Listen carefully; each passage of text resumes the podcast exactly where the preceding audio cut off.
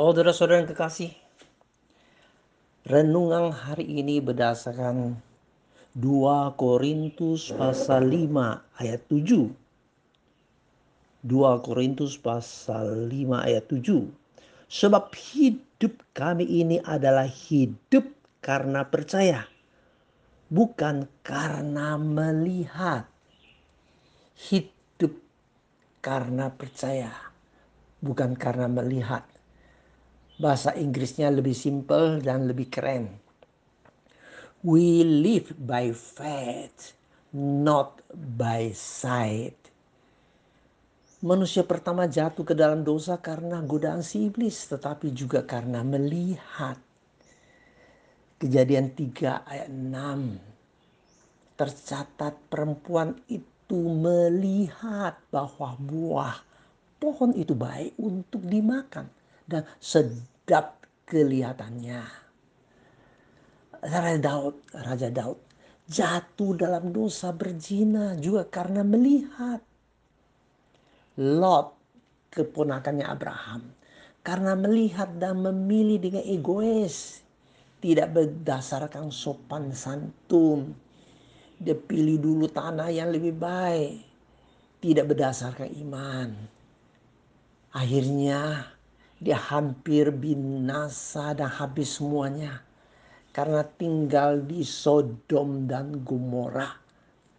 Abraham hidup dengan percaya, bukan dengan melihat. Inilah berkat dan kebenangan seorang yang bernama Abraham, orang beriman. Bapak beriman. Kita harus hati-hati dengan keinginan mata kita, saudara-saudara. Orang beriman yang merindukan tanda yang kelihatan dari luar bukanlah orang beriman yang dewasa. Orang beriman harus selalu ingat bahwa imannya datang dari Tuhan karena dirinya menyambut firman Tuhan dan juga anugerah Tuhan. Tuhan Yesus pernah berkata kepada Thomas, ketika dia menampakkan diri. Berbahagialah orang yang percaya meskipun tidak melihat. Yohanes pasal 20 ayat 29. Ada orang yang mengalami mujizat kesembuhan. Dokter menyatakan angkat tangan. Siapa tahu setelah didoakan dia mengalami penampakan Tuhan Yesus, dia sembuh. Tentunya menggemparkan. Banyak gereja minta dia bersaksi padahal imannya masih belum berakar dan bertumbuh. Dia rasa kecewa suatu saat kepada gereja dan juga kecewa kepada Tuhan. Entah soal apa. Akhirnya dia tinggalkan Tuhan. Sekarang banyak orang mau melihat mujizat baru percaya marilah kita tetap percaya Tuhan Yesus sebagai firman Allah yang telah menjadi manusia yang menyatakan kasih Allah yang ajaib. Injil Yohanes pasal 3 ayat 16. Kita semua sudah ingat betapa besar dan ajaibnya kasih Allah kepada dunia ini. Kita sudah menyambutnya tidak binasa, melainkan hidup yang kekal.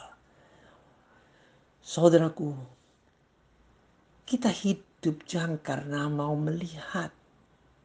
Kalau soal ini, saudara, jadi Tuhan Yesus harus terus menerus menampakkan diri. Kita percaya bahwa kita bisa melihat Tuhan yang tidak kelihatan. Ibrani pasal 11 ayat 27 ada satu catatan yang indah sekali karena beriman. Maka Musa meninggalkan Mesir tanpa merasa takut terhadap kemarahan raja. Musa maju menuju tujuannya seolah-olah ia melihat Allah yang tidak kelihatan itu. Musa melihat Allah yang tak kelihatan itu.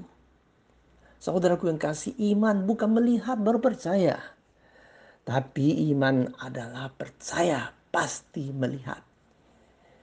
Kita masih hidup dalam dunia ini, semua hal yang terjadi saudaraku yang kasih bisa saja sama dengan orang dunia ini.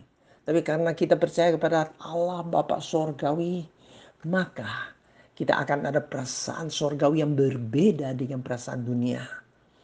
Kita harus dengan iman melihat tanah perjanjian dan kota Yerusalem baru yang akan datang.